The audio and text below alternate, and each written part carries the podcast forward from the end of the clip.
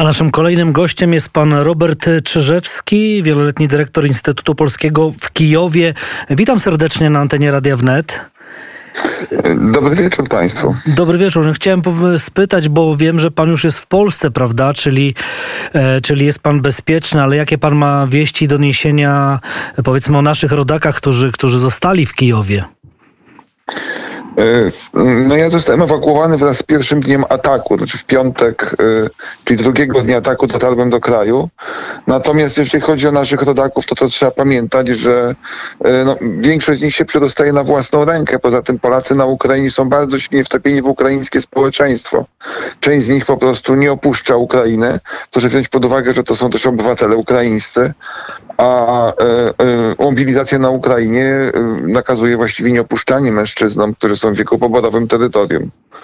Ale oczywiście, że ci, którzy mają e, kartę Polaka, którzy się czują Polakami, no to ci prędzej jeszcze opuszczą Ukrainę niż Ukraińcy. Natomiast myślę, że w tych okolicznościach to, to rozróżnienie na naszych rodaków i nie na naszych rodaków wydaje się szczególnie sztuczne, bo, no bo rzeczywiście można powiedzieć, że to środowisko polskie na Ukrainie jest silnie wtopione w ukraińskie społeczeństwo. To na pewno, ale mimo wszystko chciałbym spytać, czy e, wielu jest właśnie no, Polaków, tak powiedzmy, że, że, że, że z polskim paszportem paszportem i dowodem, że tak e, może powiem obrazowo, Ach, którzy, którzy to jeżeli pan pyta, to jeżeli pan pyta o paszport i dowód, to są inne rzeczy, bo pan pyta o polskich obywateli, no, tak, a nie o y, Polaków to... w sensie narodowym. To są dwie różne rzeczy. Więc, więc może tak ujmując to w całości, czy Polacy wstępują do ukraińskiej armii, chcą walczyć po stronie, powiedzmy, po, po jedynej słusznej stronie w tym momencie? E, znaczy, po, po pierwsze, ci, którzy są ukraińskimi obywatelami, to oczywiście tak. Większość z nich zdecydowanie popiera państwo ukraińskie, ale proszę też pamiętać, że e, w odróżnieniu od innych krajów, takich jak Litwa czy choćby Białoruś, to środowiska polskie na Ukrainie były względnie nieliczne, a poza tym emigracja, jaka trwała z Ukrainy do Polski, spowodowała, że one były jeszcze dodatkowo przerzedzane przez kolejne pokolenia młodzieży do Polski wyjeżdżające. Więc oczywiście, że tak. Polacy, y, Polacy z obywatelstwem ukraińskim walczą na Ukrainie, ale też oczywiście jest garść Polaków z polskim obywatelstwem, którzy się na Ukrainie znaleźli. No i ci y, raczej jednak Ukrainę starają się opuścić. Tutaj chyba dziennikarze, kłaniam się panie doktorze w pańskim kierunku, spora grupa dziennikarzy y, wykonała ruch w drugą stronę. Wrócili tam, żeby być korespondentami wojennymi. E, no tak, tak, myślę rzeczywiście, że wielu pojechało. E, natomiast jeszcze tak e, powiedzmy, że my z perspektywy tutaj warszawskiej też musimy nasłuchiwać i, i powiedzmy gdzieś tam sobie analizować to wszystko, co dzieje się na Ukrainie, na froncie. Jakie ma pan wieści, doniesienia, bo ta sinusoida i amplituda tych, tych różnych wieści są, jest bardzo taka różna. Jednego na przykład z jednym rozmówcą wynika to, że że powiedzmy strona ukraińska naprawdę jest w, w, bardzo dobrej takiej e, sytuacji militarnej, jeśli chodzi o powiedzmy przejście do kontrofensywy, czy, czy, czy jeśli chodzi o, o, sam, o samą obronę. Natomiast e, z innych wynika, że, że jednak ta siła rosyjskiej armii jest tak wielka, że to jest kwestią czasu, że, że, że jednak ta szala zwycięstwa przechyli się na, na, na, na tę złą stronę mocy. Jak, jak z pana perspektywy to wygląda? Bo, bo my oczywiście wszyscy jesteśmy bardzo pan... sercem za, za Ukrainą, tylko, tylko jest jeszcze ta druga strona, prawda, czyli wojsko militaria. Y, no, myślę, że kwestia postawy społeczeństwa albo społeczeństw, bo społeczeństwo rosyjskie, jego postawę też trzeba tutaj wliczać, mm, to jest pewien bardzo ważny czynnik militarny.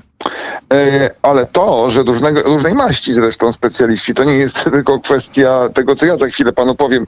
Nie, po, nie potrafię się wypowiedzieć jednoznacznie. To wynika z tego, że mamy szereg bardzo niejasnych składowych, które nie pozwalają powiedzieć, co się stanie ostatecznie.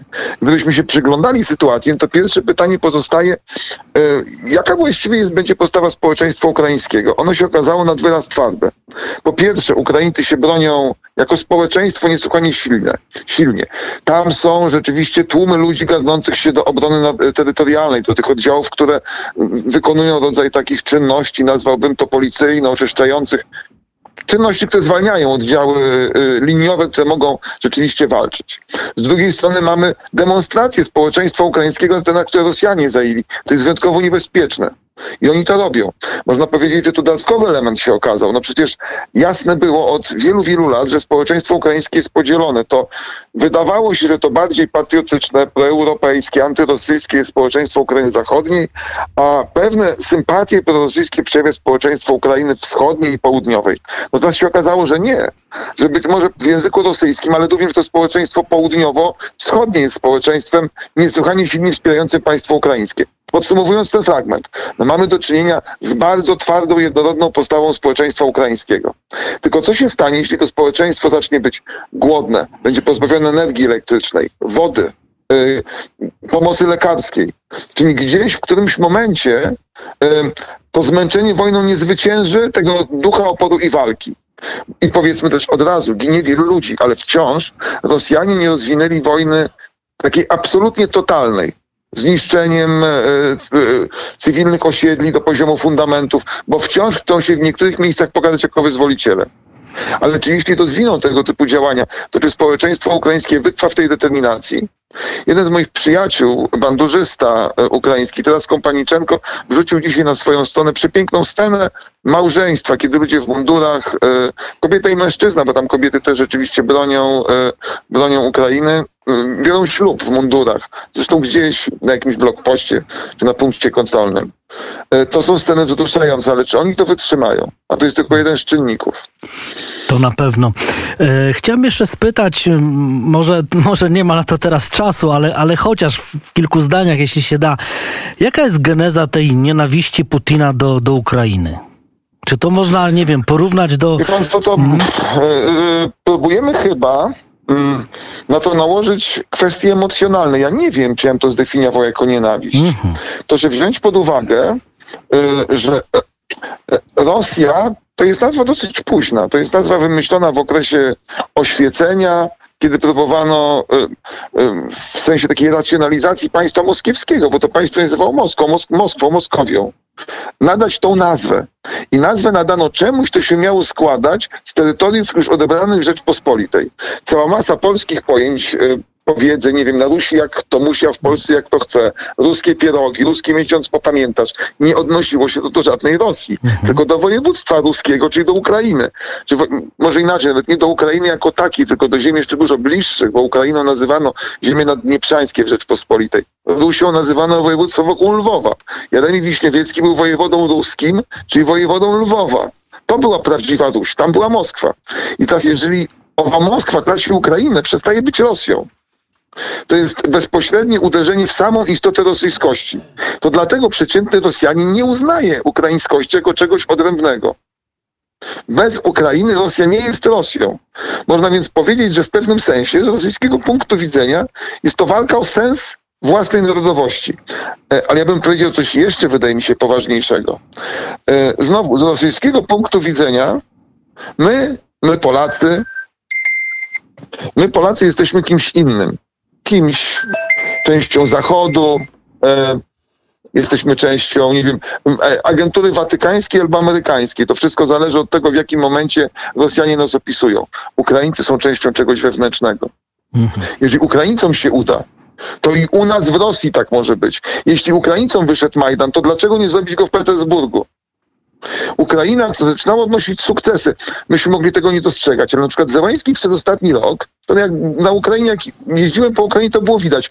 Zbudował drogi na Ukrainie, coś, coś co się wydawało niemożliwe. Ukraina słynęła z fatalnych dróg. Raptem na Ukrainie pojawiły się, no nie przesadzajmy, ale drogi, po których można było jeździć. Ta Ukraina zaczynała na poziomie cywilizacyjnym odnosić sukces z rosyjskiego punktu widzenia nie mogło odnieść sukcesu, bo to zachęcałoby Rosjan do zmiany modelu rządów. Rosja to jest pewien model rządów skrajnie autokratyczny. Tam nie ma obywateli, tam są tylko poddani władzy. E, podczas gdy Ukraińcy są w głębokim sensie tego słowa obywatelami. Może nawet głębiej niż my. To jest taka demokracja obywatelska, e, przynajmniej taka anarchiczna, ale bardzo silnie obywatelska ta demokracja ukraińska. Mamy więc zderzenie rzeczywiście dwóch modeli państwa i Putin może się obawiać zaraźliwości. Tego nie użyłbym więc, wracając do początku pańskiego pytania, pojęcia nienawiść. Mam czasami wrażenie, że Putin jest człowiekiem y, pozbawiony nawet jakichś głębszych emocji.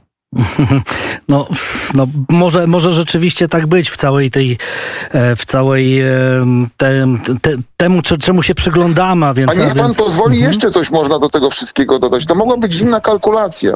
Być może Putin uznał, że albo teraz, albo już nigdy. Teraz, kiedy w Stanach Zjednoczonych wydawało się, że pre prezydent Biden jest słaby, wycofał się z Afganistanu, kiedy Zachód jest podzielony, kiedy w Niemczech rządzi SPD, wiadomo, y, jakie, powiedziałbym, interesy wiązały niektórych polityków SPD z Gazpromem.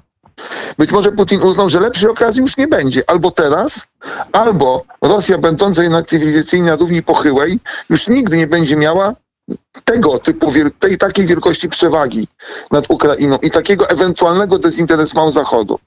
I tu możemy wrócić do pańskiego pytania, na ile to się, jak to się może potoczyć, w jakim kierunku. No, no, no bo właśnie, bo czy, bo, czy, bo, czy teraz, bo czy teraz może to być e, to, że on zagrał być może, tak jak, tak jak pan mówi, teraz albo nigdy, ale to może być rykoszetem odbić się od niego i to może być jego koniec. I pewnie już teraz pół świata mu tego życzy, jak nie więcej. Tylko teraz pytanie, ile to może trwać, bo ten koniec Putina może być rozciągnięty w czasie. Zapytajmy wprost, czy Zachód szybciej będzie dostarczał Ukraińcom broń, czy Rosjanie przerzucali, będą szybciej swoją, nowo, swoją broń gdzieś z Dalekiego Wschodu? Niewątpliwie siły powiedziałbym, no, zdolności e, e, reprodukowania zniszczonej broni są na Zachodzie większe. Ale czy Zachód wytrzyma w pomocy Ukrainie? Czy Putin strasząc Zachód wojną atomową nie odstraszy go ostatecznie od pomocy? E, czy ostatecznie resursy mobilizacyjne na Ukrainę jest jednak trzykrotnie, jeśli chodzi o potencjał mobilizacyjny, a nawet prawie czterokrotnie mniejsza od Rosji. E, czy można wygrać z Rosjanami wojnę tak jak Zachód wygrał wojnę z Hitlerem, bo nie dajmy się oszukać. Z Hitlerem wojny nie wygrał Związek Radziecki. Wojnę wygrał Zachód, który wyposażył Związek Radziecki w ogromne ilości uzbrojenia. No to teraz powiedzmy, że będzie Zachód wyposażał w ogromnej ilości uzbrojenia Ukrainę. To będzie odbudowywała swój potencjał, a Rosja nie będzie miała z czego odbudowywać. No tylko, mm, czy na przykład Chiny nie wejdą w to miejsce i nie zaczną wspierać Rosji? No, takie... Oczywiście zepchnęłoby to Rosję w kierunku chińskiej marki. Rosja by się stała w ciągu dosłownie kilku lat po prostu przybudówką energetyczną do Chin niczym więcej. Ale z naszego punktu widzenia najszczęśliwsze to nie będzie. Panie dyrektorze, to tak na koniec może naszego spotkania, te, teraz tego, bo, bo mam nadzieję, że, że przecież nie ostatniego, mam takie pytanie, jak pan myśli, kiedy pan wróci do Kijowa i do jakiego Kijowa pan wróci? Powiem panu szczerze, że ze względów prywatnych bardzo chciałbym to wiedzieć. E, są w zasadzie dwie możliwości, które umożliwiłyby mi odpowiedź na to pytanie. Pierwsze, to e, jednak e, wydaje się, że z rosyjskiego punktu widzenia, z rosyjskiego, nie mojego, pańskiego, naszego, ukraińskiego, tylko rosyjskiego, najszczęśliwsze byłoby no powiedzmy, w rosyjskiej historii tak bywa. Nagła śmierć rosyjskiego przywódcy. Zrzucenie wszystko na jego barki, że to jego wina. Niektóre kraje Zachodu natychmiast e, otwarłyby ramiona przed nowym rosyjskim przywódcą, ten by się ewakuował z Ukrainy. Zachód by e, odszkodował Ukrainie w imieniu Rosji jej straty. Z grubsza wszyscy byliby szczęśliwi, szczęśliwi z wyjątkiem owego byłego, martwego już rosyjskiego przywódcy. No tylko pytanie, czy w rosyjskim społeczeństwie, rosyjskich elitach jest dość siły na taką wymianę. E, drugi wariant to jest jednak taki, że e, e, Rosjanie jakąś część Ukrainy zajmą, Ukraińcy będą to próbowali odzyskać przy pomocy Zachodu. W wielu miejscach wojna jest wojnę pozycyjną. Wiele miast ukraińskich zamieni się w kolejne Aleppo. Powiem tak, wbrew temu to się teraz wydaje pod Kijowem, bo pan mnie wprost zapytał o Kijów. To tam chyba aż tak najgorzej nie jest ta wielka kolumna rosyjska, którą tak nas straszono kilka jeszcze dni temu. Podobno stoi. E, hmm? No wie pan, to trzeba znać tam te tereny. Powiem szczerze, e, jak wielu naszych rodaków i Ukraińców też mamy podobne hobby. Jestem grzybiarzem, to są rejony, w którym ja sobie grzyby zbierałem w ukraińskich lasach, nie pod samym Czarnobylem, tam jest niebezpiecznie, ale, ale w tych rejonach, w których trwają walki bardziej na południe od Czarnobyla już tak. Tamte drogi są wyjątkowo cienkie, nie najlepszej jakości. I taką jedną drogą, jedną nitką asfaltową e, Rosjanie próbują zaopatrzyć. Ja nie jestem specjalistą od wojska, ale tam są chyba około czterech brygad wojska walczących. I chyba wygląda na to, że jest taki punkt, w którym Ukraińcy mogą im przeciąć tą linię dostaw. W tej chwili te ciężarówki są już tak zapchane, że, mm, że nie ma możliwości zatankowania tych, które są z przodu bo żołnierze w tych ciężarówkach, po to, żeby móc ogrzać się w tych samochodach i żeby móc włączyć radiostację, musieli włączać silniki. E, I właściwie zadrżnęli akumulatory już teraz w znacznej części tych samochodów. Tak przynajmniej mówią niektórzy analitycy. Wygląda więc na to, że cały ten najgroźniejszy z punktu widzenia ukraińskiej stolicy, ten język rosyjskiego ataku idący wzdłuż jakby Dniepru od strony Czarnobyla, jest dość poważnie zagrożony. Tam trwają ciężkie walki, ale to się stanie, jak tym czołgom skończy się paliwo. E, powtarzam raz jeszcze, nie, nie czuję się tutaj specjalnie ekspertem militarnym, ale proszę zwrócić uwagę, że ataki ukraińskich dronów zakupionych w Turcji były skierowane nie przeciwko kolumnom pancernym, ale przede wszystkim były skierowane przeciwko logistyce, czyli paliwie, amunicji. Paliwo i amunicja to było to, co Ukraińcy niszczyli. Czołg bez paliwa staje się stojącą kupą złomu. Tak, ale, ale to rzeczywiście na, na, na lądzie wygląda to, wygląda to optymistycznie, natomiast tutaj to niebo, prawda, nas niepokoi. I to, że prezydent Zełański cały czas apeluje o tą, o tą strefę powietrzną, o, jej, o zakaz na, lotów nad Ukrainą. I teraz pytanie, dlaczego, dlaczego, znaczy staramy się odpowiadać za każdym razem na to pytanie, dlaczego NATO jest niewzruszona na te, na te apele?